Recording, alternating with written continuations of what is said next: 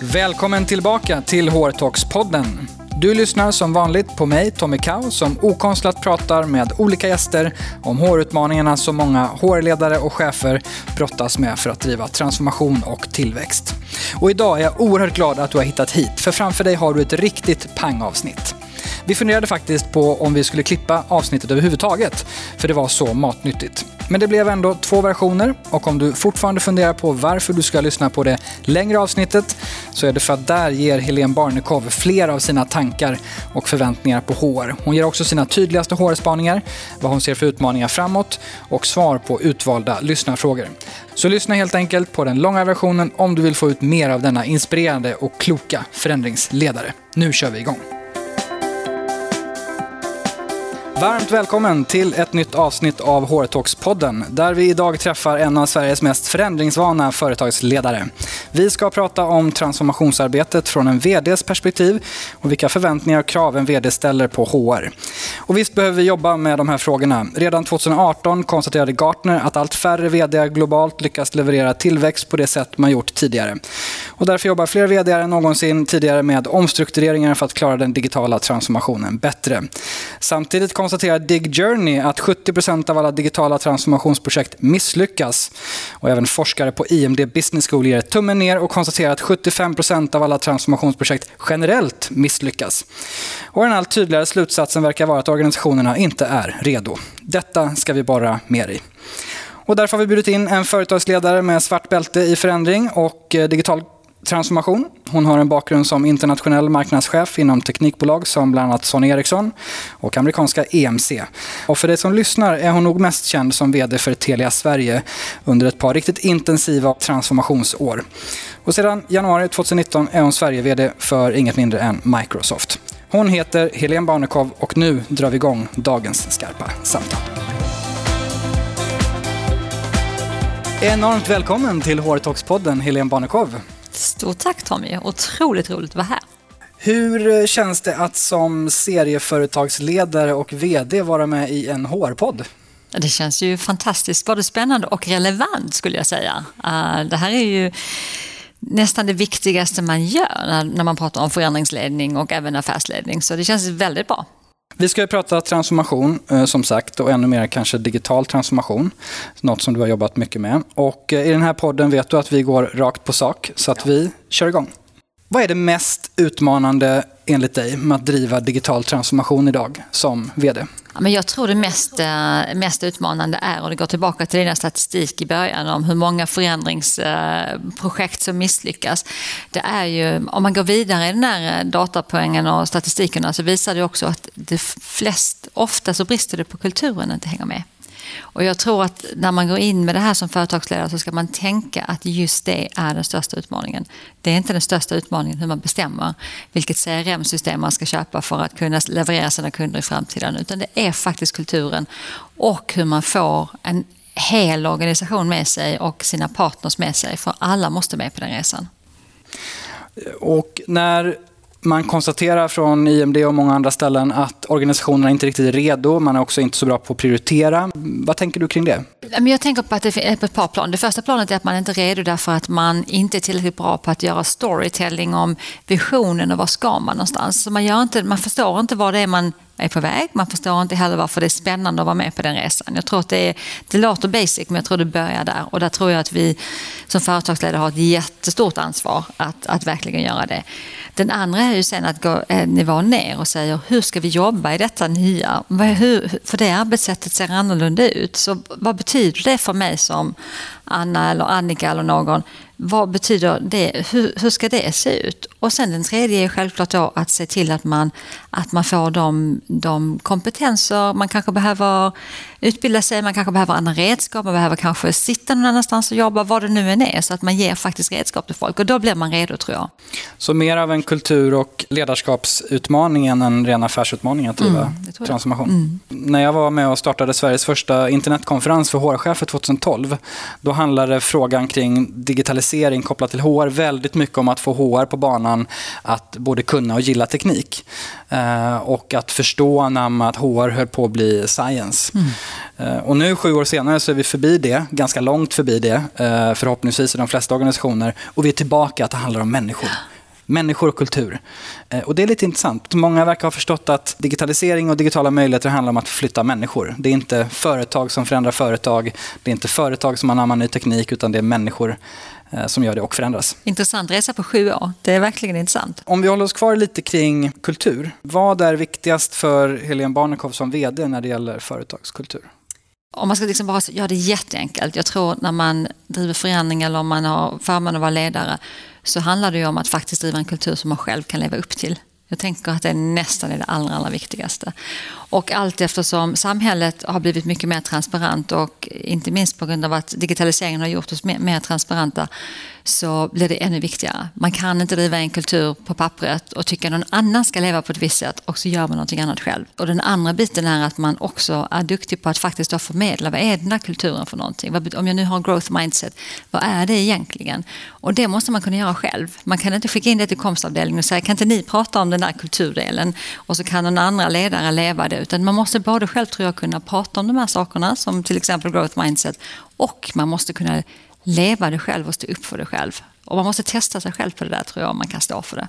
Storytelling helt enkelt är något man behöver bemästra som individuell ledare på ett helt nytt sätt. Tror det är jätte, jätteviktigt. Om inte man har det naturligt eller tränat sig på det så skulle jag genast börja träna mig själv på det. Om jag, om jag kände att jag inte hade...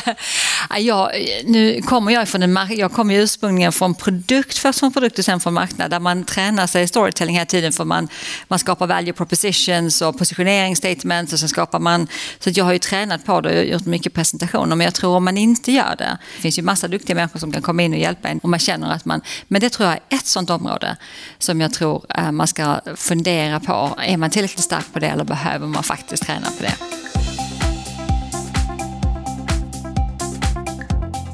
Du har varit i bolag där ni har jobbat ganska mycket med att förändra kulturen också. Vad är dina erfarenheter och, och kanske främsta knep för att göra det? Alla organisationer man går in i som ledare så är man ju på olika ställen och man behöver olika saker. Så det första är faktiskt att det första jag gör det är att jag tar massor av möten där jag bara letar insikter. Och bara lyssnar, lyssnar, lyssnar och letar insikter.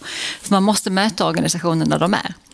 Så jag tror den första grejen är att förstå var är organisationen, vad är det för mindset och sen är det ju att förstå affären och förstå vad är det jag behöver göra med det här företaget för att ta det in i framtiden eller ta det, ta det på någon annan resa. Och så ska man koppla ihop de här två. Och där brukar jag ju då säga att då måste man skapa en förändringsplattform som, som man vill vara med på.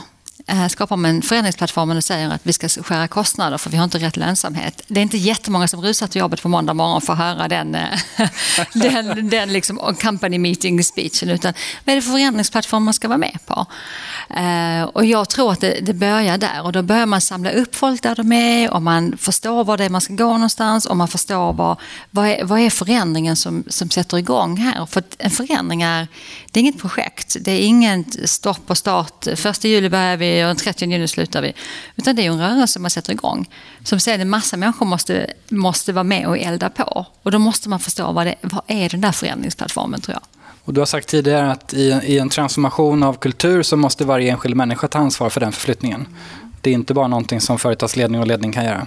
Nej, det är det absolut inte. Och jag tror att man eh, när man ska göra riktigt stora förändringar om någonting så måste det börja uppifrån. För att annars så, det är för svårt att börja något annat Det måste börja uppifrån så man känner att det är på allvar. Och Tommy, du står faktiskt för det här. Jag tror på att därför kommer du driva detta. Eh, men sen när man kommer igenom det här, då vet man ska göra och vad är förändringsplattformen och så. Så måste man, jag tror att det här ordet självledarskap det är nästan omöjligt att göra en förändring om inte man landar ut i ett självledarskap. Där varje individ då har fått tillräckligt mycket för att förstå vad det är som händer, men sen leder sig själv i detta. För att de företagen finns ju knappt längre där man kan luta sig mot en chef och säga vad ska jag göra nu och hur ser min utvecklingsplan ut och, och vilken karriärförflyttning ska du göra för mig nästa år. Utan det är ju du själv som, som, som måste driva på både din egen, ditt eget bidrag till den här förändringsresan till affären men även utveckling av dig själv. Ett annat väldigt konkret exempel på hur man kan fylla en kultur eller förändra en kultur, det är att flytta. Ni gjorde det på Telia, ni håller på med det nu på Microsoft och du har sagt tidigare att det är lite av en unik möjlighet att förändra kulturen. Berätta mer hur du tänker. Ja, men det är lite grann en gåva faktiskt när man ska göra en flytt. Den ska man verkligen se som en gåva tror jag också. Inte tänka så här, nu ska vi göra en flytt. Så, nu har vi gjort en flytt, nu öppnar vi ett nytt kontor, nu är vi klara. Utan man ska sätta den i den kontexten med sin storytelling. Var är det vi är på väg med vår förändringsresa? Var, och där ska ju flytten passa in. Flytten ska ju inte gå någon annanstans än som en del av den resan. Och om man ser på, på Microsoft nu då så har ju Microsoft varit 28 år i Akalla eh, jättefina lokaler som man gjorde om för sex år sedan in till något som du har ju sett Tommy var otroligt modernt då och som faktiskt fortfarande känns modernt. För man var långt framme i att skapa den här nya arbetsplatsen med olika sätt att jobba och öppen, eh, totalt öppet och många moment i det. Men vad vi säger nu i vår, i, i vår förändringsresa det är ju att vi flyttar in i, vi, vi tar liksom nästa steg från det och vi egentligen, om detta här var en arbetsplats så blir nästan inte detta, det här, vi tänker inte på som man går till kontoret längre. Utan vi tänker ju på att det här blir en, en hubb som man går till om man vill jobba med sina kollegor, med sina partners eller sitta och jobba med dig Tommy som kanske hänger där en dag eller med kunderna för vi kommer ha, den minsta ytan kommer att vara stängd. Den största ytan kommer att vara öppen. Det betyder att vi kommer kunna verkligen sitta och co-create och samarbeta vare sig man är extern eller intern. Och det hänger ihop med den här affärsutvecklingen, att vi tror mycket mer på ekosystemet och att vi ska vara en del av den, den, eh, samhället i Sverige på ett annan, annat sätt. Du har också sagt att i en sån flytt så har alla ansvar att fylla väggarna med, med nya saker. Det, är också ett unikt tillfälle. Det kom jag på när, jag, eh, när vi skulle från Telia göra, det var en av Sveriges största företagsflyttar. Man flyttade från Farsta till, eh, till Solna, till Mall Scandinavia. Det var en jättestor flytt på alla sätt. Och då så sa alltid folk så här, det här sitter i väggarna, för har vi suttit i mer än 50 år.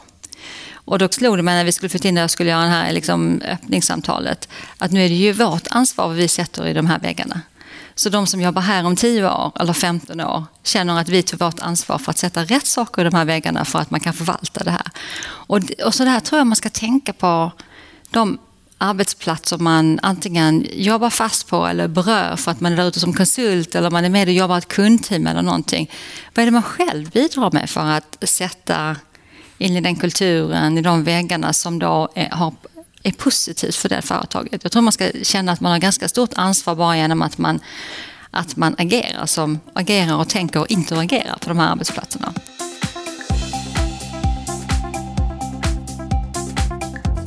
Jag tänker en sak som många fokuserar mycket på nu och verkligen vill uppnå det är en snabbare organisation. Eh, helt enkelt, man vill få upp hastigheten. Jag vet inte om du känner till det, men det finns en fantastisk graf från eh, Deloitte som heter eh, Rate of Change Curve förändringshastighetskurvan på svenska. I korthet kan man ju säga att det är fyra exponentiella kurvor i lite olika lutning där den, där den första och snabbaste kurvan eh, är hur teknik förändras. Nästa kurva är hur människor förändras och anpassar sig och sen kommer företag och sen kommer vårt samhälle i stort med public institutions och så vidare. Det man kan konstatera när man tittar på den grafen det är att den absolut största möjligheten för HR eh, och för ledare och företagsledare att påverka företagets transformation och tillväxt det är ju precis det där avståndet mellan kurvorna. Att se till att man kortar avståndet mellan tekniska möjligheter och hur snabbt människor orkar, vill och kan anpassa sig till det. Eftersom återigen, det är inte eh, företag som förändrar företag, utan det är människor. Om vi vill öka speed i våra organisationer, vilka knappar eh, trycker du på då? Eh, eller tror du veta att du behöver trycka på för att det ska ja, hända? Men det är ju en intressant kurva och det, en, det här är en av de viktigaste frågorna. För att en av de viktigaste frågorna för att öka speed det är ju vad du och din organisation gör med din tid. Och därför har jag dem, det här kom jag inte på från början, det var de senaste tio åren jag började bli väldigt, väldigt mindful med vad gör jag med min tid? Och det som jag ber min organisation att göra, vad, vad har det för konsekvenser på hur de spenderar sin tid? För det här är ju det som sätter takten i ett företag.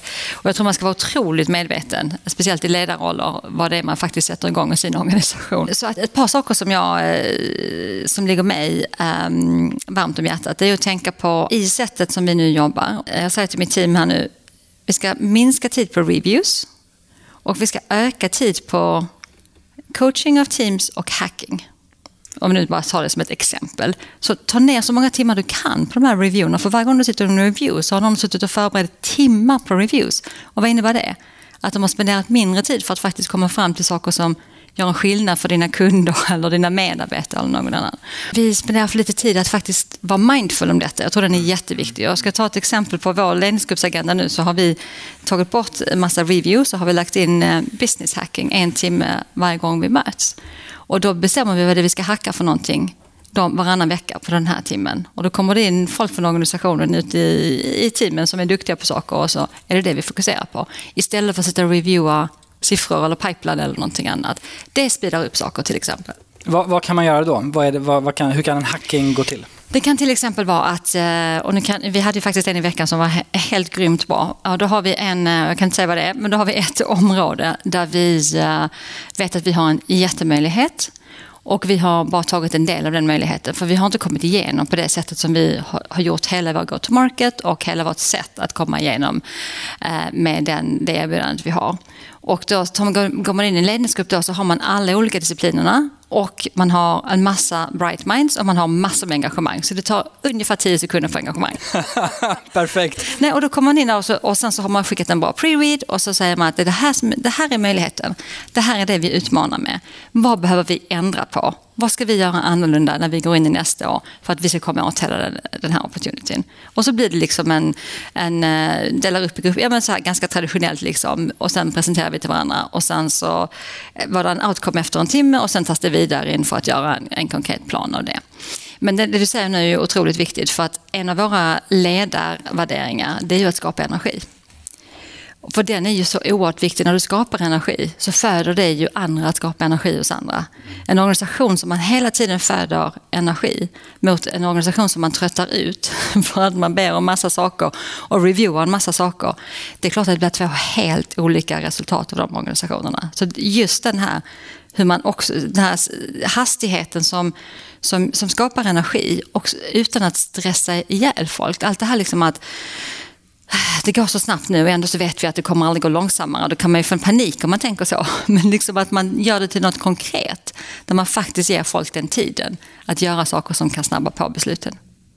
Det finns ett jättebra uttryck som, som har följt mig under många år. Det är eh, time is the most valuable thing you can spend. Vad ska man verkligen inte lägga tid på? Som ledare i de här lägena vi pratar om? Ja, nej, och jag, jag är ju väldigt mycket på det. Jag varit flera personer som har jobbat med mig kan berätta att jag har varit på det här många år. Men, men eh, jag tror ju att man ska Uh, nu är Microsoft uh, förstås ganska långt framme så man har ju fått in AI till exempel i det här tror jag du har hört tidigare när vi har pratat om detta men man har ju fått in AI i sina finansiella system så vi gör ju inga forecast till exempel utan det gör ju AI. Och sen får vi en forecast från någon, jag vet inte ens var den kommer ifrån.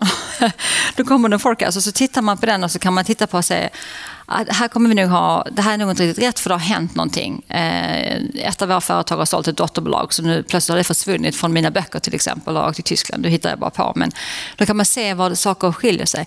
Men annars gör ju AI en bättre forecast än vad man sitter och gör i sin egen organisation. Det, det är bevisat. Och då ta bort alla de timmarna som säljare sitter och sliter med forecasts i varje forecast cycle och sen så ska man upp och reviewa det med några stora chefer som ändå har en uppfattning. och så kommer man ut från det mötet drained och lite frustrerad och sen går man ut och säljer och får lite energi igen. Men, så jag tror liksom man ska, man ska leta efter de där sakerna och göra mindre av de där. Internmöten som inte är med och antingen skapar någonting eller är med och coachar och utvecklar medarbetare. De ska man försöka att minimera tror jag.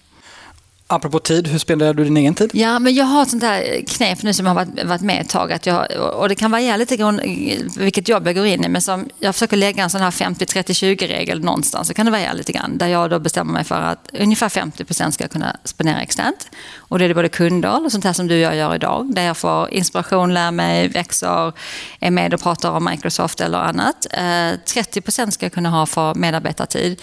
Antingen för att hacka saker, vara med och utveckla saker eller coacha medarbetare och försöka hålla min review-tid till 20 procent. Och det kan jag säga att att hålla review-tid nere har varit en kamp i alla företag jag har varit i. Det finns inget företag, det är företaget som har haft minst review-team var faktiskt EMC, men i alla företag i princip så får man kämpa för att hålla nere det. Jag tror att du blev känd på Telia som hon med Kill Steering Group-listor. Ja. jag hade min Kill Steerco-lista där, för vi hade väldigt mycket steercos när jag kom dit. Och det blir ju, jag tror också det är en, eh, en, en jätteviktig faktor att vara medveten om um, att det där kan ta ett liv av sig själv. Uh, plötsligt har det kommit till tre nya steercodes därför att när man sitter där på ett möte och ingen riktigt vet vem som bestämmer, så med god, av god anledning skapar man då en steering group. Och sen i något annat möte skapar man någon annan, för man vet inte riktigt vem som beställer dem där heller. Så istället för att lösa problemet som där det ligger, det vill säga vem är empowered, vem har accountability, så skapar man styrgrupper och de är ju enorma tidstjuvar för det mesta.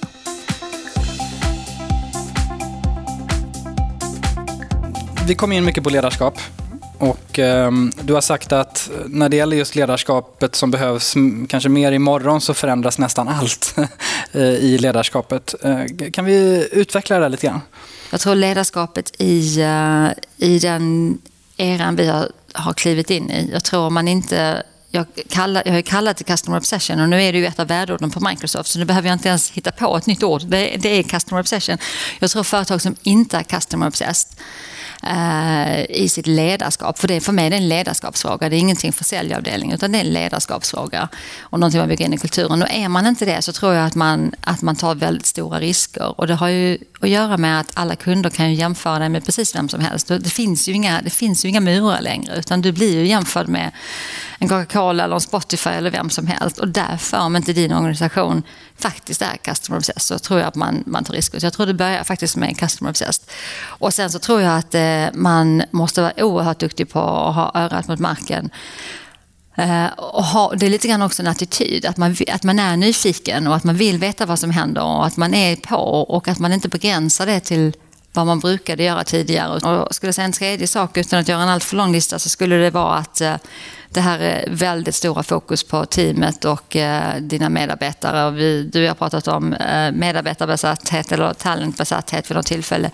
Och på samma sätt, man är väldigt fokuserad eh, väldigt fokuserad där, att jobba med teamen och, och skapa de förutsättningar som det är. För, för kan du inte locka till dig talanger, behålla talanger som sen kopplas till den här kundbesattheten, då tror jag att det är svårt att ha en, en, en en hållbar affär i längden. Och, den, och den, den kopplingen har blivit så mycket mer tydlig i de här förändringsströmmarna som vi går igenom, tycker jag. När vi träffades för ett tag sedan så frågade jag dig vad du ser som den största ledarutmaningen just nu. Och du svarade något i stil med att den största utmaningen för ledare kommer vara att genuint och helhjärtat 24-7, 365 dagar om året stå upp för och tro på det man säger. Att, så att säga, alternativet inte finns längre för du blir, du blir genomskådad. Utveckla gärna den där tanken lite. Ja, no, det där låter ju nästan som man inte vill vara ledare då, när du säger det på det viset. Uh, nej, men, och jag tror verkligen att, att eh, kraven på en ledare framöver, om man, om man liksom tar man tillbaka 20 år eller något sånt där, kanske 25 när jag började vara ledare, det var ju helt andra krav, för du hade ju inte, du, alltså det var ju ingen som kunde riktigt se vad jag stod för, eller mitt närmaste team, men i övrigt så var det ju ganska skyddat. Man visste ju egentligen inte hur, hur bra eller dåliga chefer det var, eller hur schyssta eller oschyssta de var, eller någonting annat. För det var ju väldigt svårt att få insyn i. Och nu är det ju sån enorm, det är, som, det är oavsett om du säger någonting eller om du inte säger någonting. Om du går ut på sociala medier eller inte så säger det ju jättemycket om dig.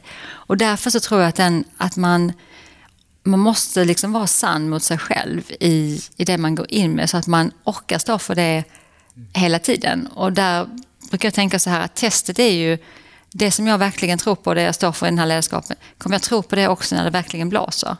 När det blåser riktigt, riktigt hårt och det blir motgångar som det blir ibland. Kan man fortfarande stå för det? Och kan man inte det då utan man känner att där kommer jag börja vackla. Då kommer jag, vilja, då kommer jag vilja bara prata om hur många människor jag ska sparka till exempel. För då blir aktiemarknaden glad. Då ska man nog tänka till om man vill ta de rollerna hela vägen. För att jag tror att, eh, jag tror att det där kommer inte bli enklare. Och i alla de här snabba förändringarna, vi pratar om hur allting går snabbt och allting händer. Ännu mer så tror jag att man tittar mot ledare för att förstå vad är det de egentligen står för. Är det en person jag vill stödja? Är det en person som jag vill ska påverka mitt liv varje dag? är det en person som jag känner mig stolt över att prata om att ja, men jag jobbar för Tommy? Är det, är det en stolthetsfråga eller ska man liksom behöva skämmas lite grann på kvällen när man går på ett AV? Jobbar du för Tommy? Har du stannat kvar där? ja, men det... det känns lite som att vi är inne i en andra våg av det där. Första vågen var för företagsledarna, folk i din position och ledningsgrupper och där man alltid haft ett kommunikationsteam mm. som har hjälpt till lite och så vidare. Men att den transparensen nu äter sig ner mm. alla mm. nivåer, ja, till enskilda teamchefer. Ja. Jag tror att, jag tror att det faktiskt är så och eh, att det då ställer ställer, inte, inte liksom bara, det är inte säkert att det är högre krav när det gäller um, vilka siffror man kan prestera och sånt. Men jag tror det ställer högre krav på de här typen av ledarskapsegenskaper. Värdebaserat ledarskap, kunna, kunna berätta vad det är man gör och, och sen göra det man berättar och sen liksom jobba nära teamen och ha respekt. Jag tror det ställer större krav på ledarskapet där. När man pratar transparens som vi är inne på nu så kommer man ganska snabbt in på sårbarhet och mod och synlighet och sådana frågor där du har, ehm, det, för många känns det som att du har svart bälte även i det. Vad finns det där som man kan göra utan att göra det för, för svårt och, och komplicerat, utan mer liksom konkret som, som, som ledare som man kan ta med sig? Nej, men jag, tror, jag tror också att den är väldigt viktig och jag tror att man, eh, man, får, man får träna sig själv. Det, det, inte, det kommer ju inte, det här med sårbarhet är ju svårt, det är svårt för oss alla, det, var svårt, det är svårt för mig också att, att visa där man är sårbar är ju inte och där man inte har full koll, det är ju inte det enklaste. Och jag tror att man, det finns bara två sätt att lära sig, eh, tror jag. Eller två sätt att påverka det. Det ena är att göra det. Att bestämma sig för att det här är jättejobbigt att ta de här frågorna. Jag skulle helst vilja ta de här frågorna via mail. Men jag, nu, tar, nu ställer jag mig på scenen. Nu har, vi, nu har vi precis sagt att vi ska ställa, ställa upp flera, sätta upp flera hundra personer. Då tar vi ett all hands och jag ställer mig på scenen och tar alla de där jobbiga frågorna. Det kommer inte, det kommer inte landa väl, det kommer inte vara bra för att det är negativa budskap. Men det är mycket bättre än att, att man inte finns där och ställer sig där. Eh, det tror jag är den ena saken. Den andra saken är ju att eh, man skickar ju så himla stora budskap. Att mm. andra personer då kan känna att de förstår ju när man står vissa av de här, eller som när vi gjorde Singing and Coding, vi stod och sjöng i, i trappan i Telia som, som du pratar om. Det är klart att alla tittar på oss och tänkte, åh vad de är obekväma för de sjunger fruktansvärt dåligt. vi, förstår, vi förstår att de är väldigt obekväma. Men de står ju där och gör det.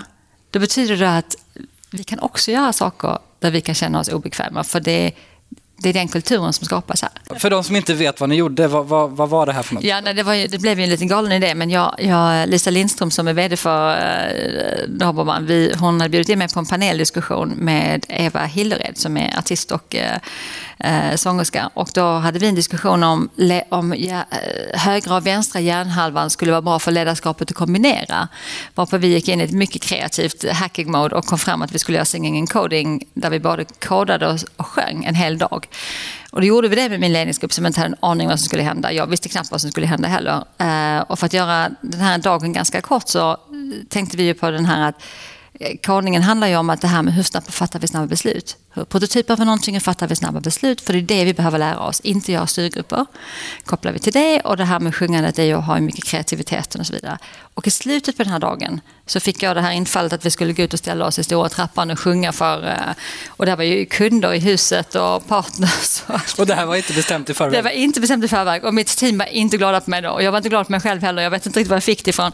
Men, men vi gjorde ju det och det blev ju en... Eh, det, det, det pratar man ju fortfarande om. Men den andra biten var ju... Det var ju massa som var där som tyckte det var hur roligt som helst. Men så har man den här fantastiska med sociala medier. De som inte var där såg det ju snart på Twitter, på LinkedIn, på någon annanstans. Så att det sprider ju sig. Och det, det budskapet man skickar då är verkligen att man bjuder på sig själv och att man förstår att vi var oerhört osäkra och sårbara. Och man gör det ändå. Och det, jag tror att den är... Det, det är mycket viktigare vad man gör än vad man säger. Man kan inte säga att jag tycker att ni ska kunna känna er sårbara. Man måste visa själv då att för mig var det här okej, okay, fast det var obehagligt. Eh, jag nämnde synlighet också, för du har tidigare tvingat dina eh, chefskollegor att gå eh, training eller kurser i digital synlighet. Men apropå transparensen. Mm. Berätta. Ja, nej, men vi började med det på, på EMC när vi... Det var första gången jag gjorde det och då tog jag mig an eh, säljkårer i hela världen. Det var otroligt utmanande som inte alls ville ändra på någonting och absolut inte ville bli eh, social medieaktiva. Men, eh, och det här går ju tillbaka till någon gång 2012 sånt där, när jag hade bestämt mig för att vi skulle transformera marknadsavdelningen till, till att vara datadriven och verkligen leva i framtiden. Och eh, då om man tänker att det är så, om man, då satt jag på ett företag som har 60 000 medarbetare. Om du har 60 000 ambassadörer som är relevant aktiva på Twitter, LinkedIn, Instagram eller var de nu vill vara aktiva, för man kan hitta sin egen plattform. Men det går ju inte att betala det i mediapengar som du får ut av dina 60 000 medarbetare som har jättemånga relevanta följare. Det var ganska länge sedan nu också, så det var ganska mycket motstånd i början.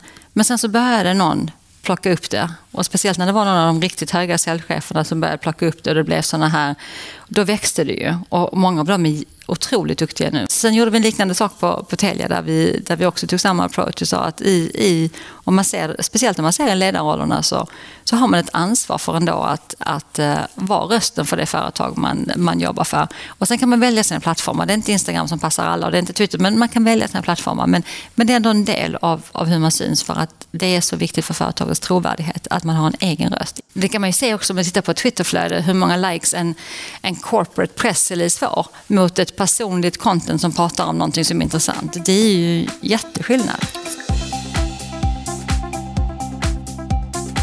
Jag tänker att det här kopplar an till det du pratade om tidigare med kundbesatthet. Säger man Helene Barnekow så tänker många kundbesatthet vid det här laget.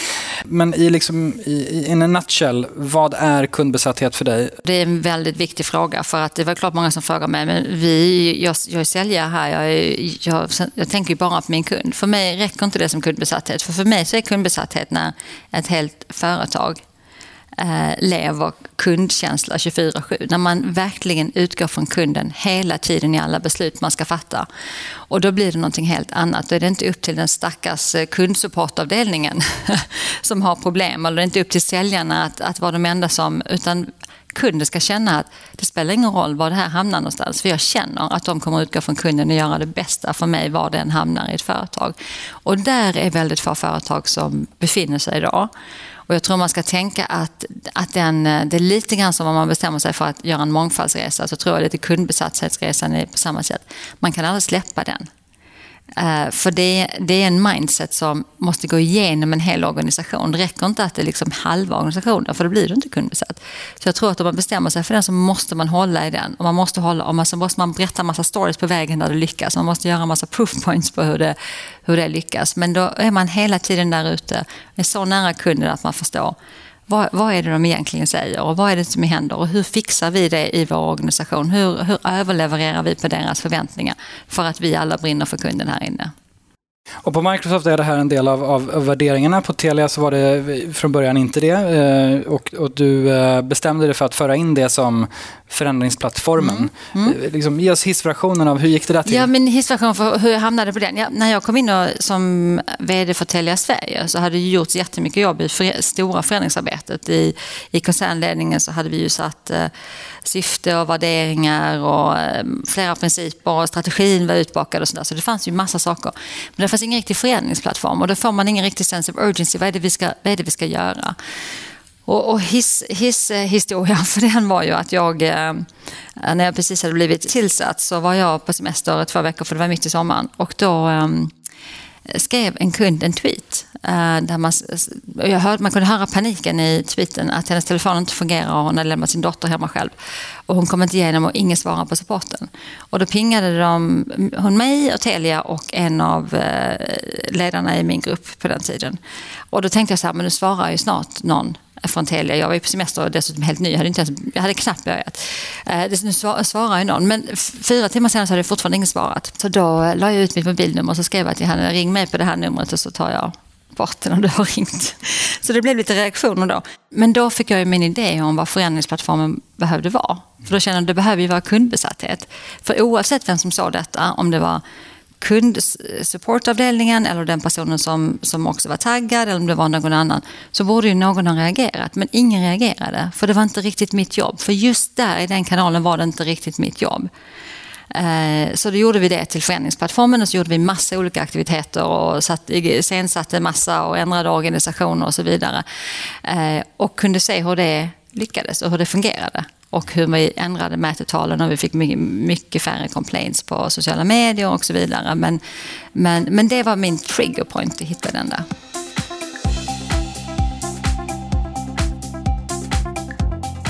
Om vi går över och pratar HR. I den här eh, världen som du precis beskriver, vad har du som företagsledare och VD för förväntningar och krav på, på HR? Vad behöver HR göra och bidra med? Ja, men de har ju också ökat jättemycket. Om jag tänker på liksom mina första HR business partners som hade sina första chefsjobb som handlade mer om att hjälpa en med processerna, där det var lönesättning eller rekryteringsprocesser eller så här.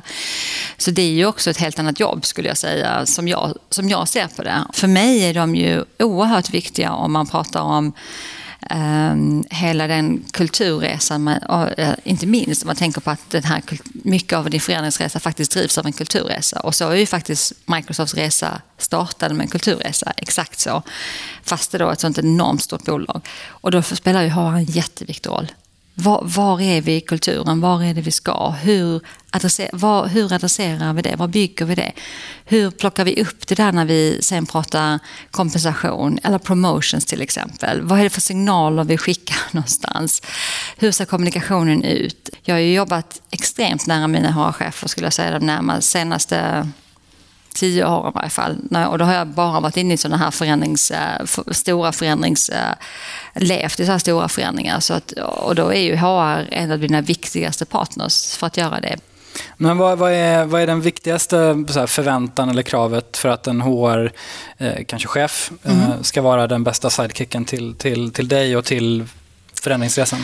Ja, det är en väldigt bra fråga. Jag tror att man har både en förståelse och ett mod att vara med att driva organisationen framåt dit man behöver. Så både förståelse hur det kopplar in i affären, och kopplar in i, i talangpoolen, i medarbetarna, i värderingarna och sen modet att vara med att verkligen driva den där organisationen framåt. För det blir ju verkligen en partner in crime i förändringsarbetet när man driver det för kulturen så blir det ju verkligen HR.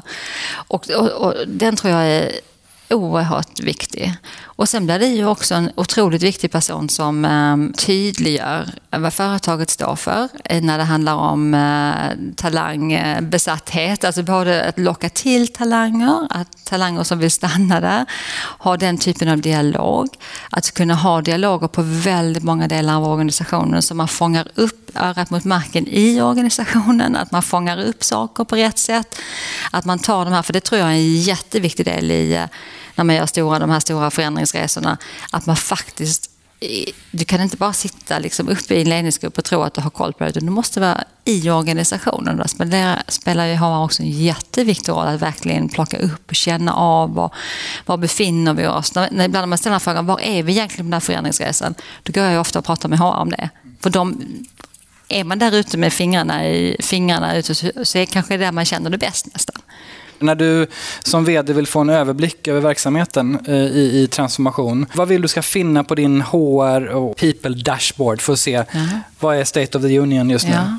Jag kallar det så här, så kan man kalla det på olika, på olika företag, men en employee NPS, alltså net promoter score från dina anställda. Kommer du gå ut härifrån nu och säga att du borde gå och jobba hos Helene? Eller kommer du inte göra det? Jag tror den är nästan är outstanding. Just den här att att när du sitter och dricker kaffe med någon och säger skulle, är det ett företag jag skulle jobba på nu så är det Microsoft. Och du är medarbetare där, det tror jag är ett av de viktigaste. Om man går in på några andra eh, mer specifika HR eller people-områden som eh, viktiga för, för transformation. Rekrytering och employer branding är transformation. Vad förväntar du dig att organisationen är väldigt duktig på när det kommer till rekrytering och employer branding? När man gör en väldigt tydlig uh förändringsresor. Ofta så ökar ju din attraktion för att anställa nya. Inte alltid med de som, som är inne i organisationen, men ofta får du ju, om du berättar om den resan också, så kommer det ju väldigt många fler som vill komma till dig. Och då är det ju en väldigt viktig, viktig del att HR kan, kan berätta den historien på rätt sätt. Och då kommer vi tillbaka till det att det är absolut ingen adminavdelning här borta, för det är ju någon som lever mitt uppe i det själv. Så när Helena ska berätta eh, Microsofts historia till när hon sitter med eh, potentiella talanger så måste hon ju kunna göra det minst lika bra som jag kan göra. För att annars har vi missat redan där. Så storytelling igen och paketering? Ja, ja storytelling och paketering och då liksom förstå vad det här handlar om faktiskt. Eh, tror jag är jätteviktigt. Och sen är, det, sen är det ju självklart så att man också den här tror jag kan vara ganska tricky. Nu har jag ju aldrig varit HR-chef men jag tänker så här på det här med att vi letar mångfald och det har vi, många av oss gjort länge. Men om man nu letar det här mångfaldet, om man har de här värderingarna och vi vill ha mångfaldet. Och, och då, jag kan vara lite så här känslig när de säger att det är en perfekt cultural fit. Vad betyder det? Betyder det nu att jag har anställt någon som är exakt som mig själv? För det är det jag inte vill. Och där tror jag HR har en jätteviktig roll. Att titta på folk med det ögat att de, de här värderingarna funkar med, med Tommy. Han har full respekt för mångfald, uh, inclusion och customer obsession som är våra viktigaste saker till exempel. Och han har ett growth mindset. Men Det är liksom ingen cultural fit sådär att vi ser en ny Helen i honom. Alltså det, det vill vi ju absolut inte. Det behövs inga fler av mig. Det. det. behövs ju andra personer men som ändå grundas i, i den typen av värderingar. Och där spelar HR en väldigt, väldigt viktig roll och också utmanar, tror jag, ledare i organisationen så man inte hamnar fel i det. Den tror jag är grymt viktig. Ett annat område är ju um, performance management, hur vi driver prestationer. Hur tänker en VD med fokus på transformation kring det? Ja, det är också en väldigt bra fråga, för den blir ju inte lika enkel då heller. för man ska, då ska man både titta på vad man... man vi måste ju driva prestation under, under tiden. Man kan inte säga att nu väntar vi två år så får vi se om ni kan prestera när vi har gjort allting klart. Utan man ska driva den prestationen som man gör här och nu och den måste man vara tydlig med vad den är för någonting. Sen så ska man eh, bedöma huret. Och det är vi inne på de här mjukare sakerna. Är, är du liksom en förebild på de här områdena som är det företaget vi faktiskt håller på att bygga upp. Och sen ofta så handlar det ju om att man då faktiskt också har en, man kanske har en, eh, en, en eh, del av det hela som vilka, vilka skills håller du på att bygga upp för att vi ska faktiskt kunna ta dig igenom transformationen och inte stanna här. Så, så det är ju en mycket mer, för mig, en mycket mer komplex... Och de flesta företag tror jag har börjat hamna i, åtminstone i en modell där man pratar om vad och hur. Mm. Att man bedömer inte bara... Jag tror det är få företag nu, eller i varje fall få företag som jag känner på sistone som, som bara kör rent. Här är dina tio mål och har du gjort alla dem så har du 100 procent och du är outstanding eller någonting annat. Utan, mm. utan det är bara en del av det. Mm. De där tio grejerna ska du ticka av, det är ditt scorecard. Men vi har också huret. Mm. Vi har impact på hur du hjälper andra eller hur mm. customer obsessed har du drivit din organisation till bli eller någonting annat. Du har ju sagt att två svenska superpowers är innovation och kollaboration. Vad ser du att HR kan göra för att driva detta mer? Ja, men där har ju HR en jättespännande roll att eh, spela. Och jag tänker på alla stora företag jag har varit på. Så sitter man ju i olika silon. Därför det är ju så man har organiserat sig. Alla stora företag jag har jobbat med som kunder också, de sitter också i silon för det är ju så man har organiserat sig. Och det kommer från hela vår taylorism och det var hierarkier och så vidare. Om man nu tänker på det här med innovation och som drivs väldigt mycket av nya samarbeten i den här nya världen så, så är det ju det är din värsta fiende. Det är din värsta fiende att ha de där hierarkierna och de här silon. Så jag brukar säga så, jag hade aldrig haft en hierarki om inte jag var tvungen att ha det för att det är en stor organisation. Så blir alla jättenervösa. Men vad jag menar med det är att, att den, den, it gets in your way, liksom, att faktiskt mot det du vill göra. Och då har ju HR en väldigt viktig roll tror jag att spela. Eh, hur vi både hur vi både eh, faktiskt eh, skapar förutsättningar för uppmuntrar, tänker på belöningssystemen så att vi inte liksom befäster de här eh, silon som vi tycker om att ha ritat för det känner vi oss trygga i. Man har ju flera roller att spela i den. Och där har ju även, ehm, och du har varit med på det, där, där finns ju, och där tror jag också, där har, där har HR en jättebra chans faktiskt att vara med och digitalisera. Att faktiskt föra in eh, samarbetsverktyg som finns som kommer hjälpa jättemycket för att man ska kunna samarbeta på olika, sitta på olika ställen, ha mycket mer um, inkluderande sätt att samarbeta mm, och, mm, och så mm. vidare som HR kan ta dit på. Och det tror jag är en jättechans för HR att faktiskt få en annan typ av eh, roll att spela på företaget som blir mer konkret också för andra, andra stakeholders. Så det tror jag verkligen är en chans. Ja, det är en fråga som jag själv har jobbat en hel del med och är en av de som verkligen driver på att, att arbetssätt Just det. och i det här fallet då ganska mycket digitala ja. arbetssätt och hur den sviten ser ut och så vidare är en hårfråga. Och det börjar ja. det bli, men, men, det är hyfsat nytt i, i min uppfattning. Så det är en jättemöjlighet både för företagen och för HR i sig att ta mm. den. Mm. Ja, för det handlar också lite om, eh, tänker jag, att eh, allt kan inte bara vara analogt, allt kan inte bara vara digitalt. Det måste finnas en brygga däremellan ja. eh, och ett sätt att inkludera alla. Just det. Det handlar verkligen också om inkludering, att skapa den förutsättningen, att, uh, tror jag.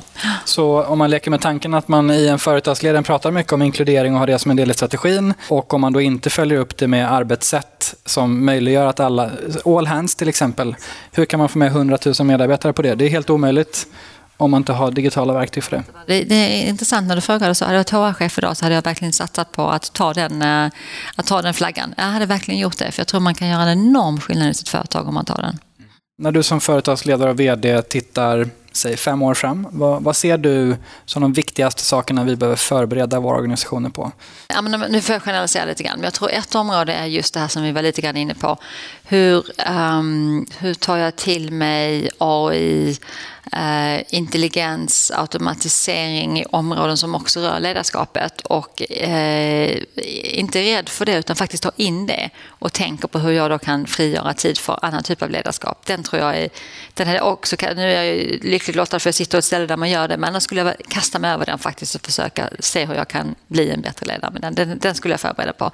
Den andra är ju den här som, som du också har pratat mycket om med alla giggare som du själv eh, som vi måste förbereda våra organisationer på att vi kan jobba med på ett helt annat sätt. Eh, helt, nästan liksom så sömlöst som det bara går. Att giggare kommer in kanske jobbar två veckor en gång men några gånger kanske du kommer in och bara jobbar några timmar eller så kanske du kommer in och jobbar, du kanske kommer in och i sex månader på det här stället. Och när jag säger det, vad gör man då? Förbereda? Ja men en sak är ju kulturen. Att kulturen blir så otroligt tydlig och att man kan känna den. För på vissa företag kan du ju känna en kultur när man kommer in och på andra företag känner man ingenting. Utan man sätter den här kulturen, blir ännu viktigare när man ska ha många giggare tror jag. Eh, för att då måste man känna av vilket företag man går in i när man ska gå in och, och göra skillnad. Och jag tror också som nu vi pratar om att, att vi kommer att ha två tredjedelar av vår yta öppen. Att man tänker på den här, hur skapar man sitt nästa, sitt nästa kontor? Och vilka teknologier behöver man för det? Var släpper man in giggarna någonstans? Var kommer de kunna sitta? Vilka systemen, säkerhetssaker och sånt där. Så den hade, jag, den hade jag förberett mig väldigt mycket på. För då tror jag också man öppnar upp sin egen organisation kulturellt att se, se några saker. Så den tredje är faktiskt, om jag får säga en tredje sak till, börja, börja, börja träna på att riva hierarkier någonstans och se var du hamnar någonstans. I, i en helt annan modell. Mm. Och var börjar man då om man ska riva hierarkier? Ja, men jag tror att man, man kan, har man ett riktigt stort företag så kan man inte göra det hur, hur som helst. Men jag tror att man eh, i organisationsmodeller så tror jag man ska försöka att eh, organisera sig så att man, att man har mer de här eh, man samarbetar kring teman eller affärsmodeller eller någonting annat. Och sen kan man liksom i systemen kan man rapportera till helt andra personer så man faktiskt frikopplar lite grann det här. Jag är linjechef, Tommy nu ska du göra det här för mig i, i 32 veckor. Utan för den här typen av kund ska vi göra detta. Det är de här tio personerna som behövs från alla möjliga typer. Någon kommer från UX-teamet, någon från CX-teamet, någon från säljteamet, någon från marknadsteamet. Men det är kunden Tommy vi ska jobba mot nu i 32 veckor. Och det teamet samlas och vad de rapporterade spelar ingen roll. Utan man ska börja träna sig på att sätta upp den typen av verkligen sömlösa för vi måste hamna där. Det är för mycket som kommer i vägen om vi fortsätter att jobba i våra hierarkier. Jätteintressant. När jag jobbar i olika kundprojekt så försöker vi få kunderna att acceptera att jobba i pilotprojekt. Just det. Parallellt ja. med att vi kör de här programmen. Det är väldigt bra. Så att man kommer i det här get things done, äh, att testa. Så man börjar göra saker. För man kan inte sitta och rita på de här sakerna i tre år för att hoppas de händer sig. Man måste, det är bättre man gör, liksom ta vissa delar av och börja göra saker. Jag tror det. Om vi ska ge lite tips snabbt och, och, och rappt och konkret till uh, andra kollegor där ute. Om du skulle ge tips på en sak att göra när du driver digital transformation, vad skulle det vara? Fokusera på förändringsplattformen med rätt storytelling. Vilken risk ska du undvika mest? Tänk för mycket på tekniken. Okej, det är bra. Ditt främsta tips till nästa generations HR-chefer, de som ska bli sidekick till eh, en VD inom ett par år. Vad behöver de säkra upp att de har med sig? Um, jag skulle säga mod och um, konstant lärande. Vilken bok mm. borde man läsa eller lyssna på mm. om man vill fördjupa sig? Alltså jag, jag är ju otroligt förtjust i, jag ska någon gång komma till min nästa, men jag är ju otroligt förtjust i Satyas Hit Refresh. Den är en fantastisk bok om förändringsledarskap som börjar i Kulturresan av en organisation med 140 000 personer. Viktigaste HR-frågorna. Eh, varje dag så äter jag lunch med en ny person för att prata om de viktigaste HR-frågorna som driver tillväxt och, och, transformation. Och I de luncherna så får alla samma frågor. Ehm, och ett oerhört spännande lärande blir det. Så mina poddgäster här får också samma frågor. Ja. Första är då, vad är dina HR-spaningar just nu? Dominerande ämnen, saker vi lägger mycket tid på och engagerar oss mycket i? Definitivt eh, få med sig organisationen på kulturförflyttning, eh, som jag känner alla pratar om. Eh, lärandet, hur får vi in det både i vårt, sätt att jobba, vårt dagliga planerande och i kulturen. Och sen skulle jag säga att det är talent recruitment and talent retention. Och om man tittar på i en transformation, vad finns det för HR-frågor som är så pass viktiga att de inte inte kan finnas på en HR-agenda? Nej, men den ena tror jag verkligen är, ehm, är ju eh, att man just nu skapar en kultur som gör att man vill vara det stället man vill jobba på. Därav den här eh, min eh, Employee Net Promoter Score. Alltså att man, och det finns så många uttryck för det här, eh, the place to work och så här, men den måste vara där för att vi, vi kommer vara så beroende av att locka till oss talanger. Så den tror jag verkligen, verkligen måste vara där och sen så måste den här vara här att hela tiden vara nära, nära, nära vilken kultur är det vi skapar? Och kultur, det är inga, alltså värdeorden är ju någonting att hålla sig i, men det är ju vad du gör varje dag vad är det jag gjorde idag som, jag har bett Helena ge mig feedback eftersom jag är ganska ny på marknaden fortfarande. Gjorde jag någonting nu som tol kan tolkas på ett annat sätt än den kultur vi håller på att skapa? Att hela tiden, och där har HR en jätteviktig roll. Väldigt bra tips. Kalibrera med HR-chefen. Eh, ja. Kommunicera det här rätt saker. Och eh, sista frågan är lite knepig ibland. Mm. Vad är din bästa HR-idé? Oj, min bästa HR-idé? Eh, den var ju faktiskt knepig. Min bästa HR-idé. För HR, tänk dig som att du är en, du är en affärsutvecklare. Mm. Du ska med och utveckla den affären och det gör med en människa. Då kommer vi till lyssnarfrågan. Det funkar så att några dagar innan inspelningen så flaggar eh, vi upp ämnet och profilen som gästar i sociala medier. Inte namnet, så det känner man inte till. Så följer man HR Talks-podden på Instagram eller mig Tommy Kamp på LinkedIn så kan man kommentera där och vi försöker hinna med så mycket vi kan. Och vi tar en fråga nu och sen lägger vi resten i extra material. Och det, den frågan kommer från Siri Vikander som är Director of People Growth på Scandic. Mm. Hur kan du som VD stötta HR att bli en transformationsmotor? Oh, mycket bra fråga. Den har vi inte alls pratat om och den är ju jätteviktig, att man känner att, att eh, HR blir empowered. Där tror jag det är väldigt viktigt att HR får en plattform att prata kring som inte är de traditionella HR-frågorna. Så be inte bara HR komma upp och prata om när löneprocessen ska sätta igång. Utan faktiskt få lov att driva en del av de där KPI-erna och prata inför teamen, ledningsgrupper och andra team om de bredare sakerna som faktiskt har en koppling till affären. Så ge, ge den utrymmet till, till HR och även referera till din HR på det viset. Att det där tar jag med min, det kommer jag ta med min HR-chef och min CFO till exempel. Få med dem in i dem som, som absolut inte händer på alla ställen. Men den tror jag, det är en väldigt bra fråga och väldigt viktigt att ledare faktiskt gör det. För det är inte alltid de uppfattar som att de har den platsen. Tack så mycket. Vi har en mängd till lyssnarfrågor och vi tar dem i extra materialet. Då har vi kommit lite till vår wrap-up. Tre viktigaste insikterna från samtalet som vi vill skicka med. Om vi, om vi kan förmå att summera. Kan vi förmå detta?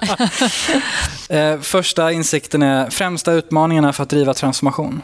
Främsta utmaningen är absolut kulturen och att få med sig alla människor att förstå vad det är man försöker göra. Främsta konkreta sakerna man bör göra som ledare i transformation. Eh, jag tror det första är faktiskt att först lyssna in, få insikt och förstå. Sätta förändringsplattformen så att det blir tydligt och det blir lustfyllt att vara med på den här transformationen som, som oftast är svår. Transformationer är svåra. Och den tredje är då att hålla, den, hålla det här storytelling, hålla kontakten med organisationen, hålla storytelling. Hela tiden skapa energi kring den förflyttningen. Och sista är då främsta konkreta sakerna man bör göra som HR för att stötta transformationen. Jag tror att det handlar väldigt mycket om att vara, att vara sammankopplad med de här sakerna. Alltså att verkligen driva, vara, var med ute i organisationen, driva på kulturförflyttningen, plocka upp när man ser folk göra bra saker, skicka in det i storytelling, lyfta personer så man driver ett helt beteendeförändring tror jag är jätteviktigt. Och sen så tror jag också att den andra saken är att hela tiden tänka på hur man hjälper lärandet och growth mindset hela tiden. För det krävs en rätt stor omställning och den måste ha vara med och känna att man kan driva framåt. Vilken utmaning borde vi prata mer om i den här podden för kommande samtal? Ja, det är en väldigt bra idé. Nej, men jag tror att den här eh, som du är på, som du lever i, den här utmaningen med när flera av personerna sitter utanför organisationen än inne i organisationen. Vad innebär det HR-mässigt? Hur driver man den kulturen när kanske ibland kommer det vara 30 procent som är giggare och ibland 50 procent. Idag kanske det är bara några få procent och det är ju en helt en sak. Men ponera att det blir liksom nästan halva. Hur driver du din kultur och hur, hur managerar du det? Det skulle jag tycka var en jättespännande sak att, att, äh, att fundera på. För det kommer hjälpa en att få insikter om vilka saker testar man sig framåt med. Superbra, tack för det tipset. Då är det bara dags för mig att säga stort tack till dig Helene Barnekow för att du ville vara med oss i HR-talks-podden. Det har varit ett sant nöje. Stort tack för att jag fick vara här. Det var alltså ännu ett skarpt samtal i Hårtalkspodden. Stort tack till dig som lyssnat och vill du höra svar på fler lyssnarfrågor ska du kolla in extra materialet för det här poddavsnittet med Helene Barnekow, VD på Microsoft Sverige. Hårtalkspodden ges ut av Kao Company, produceras av Media Mera och du hittar mer information på hårtalkspodden.se. Nästa vecka kommer ett nytt färskt avsnitt. Tills dess, ha det bra.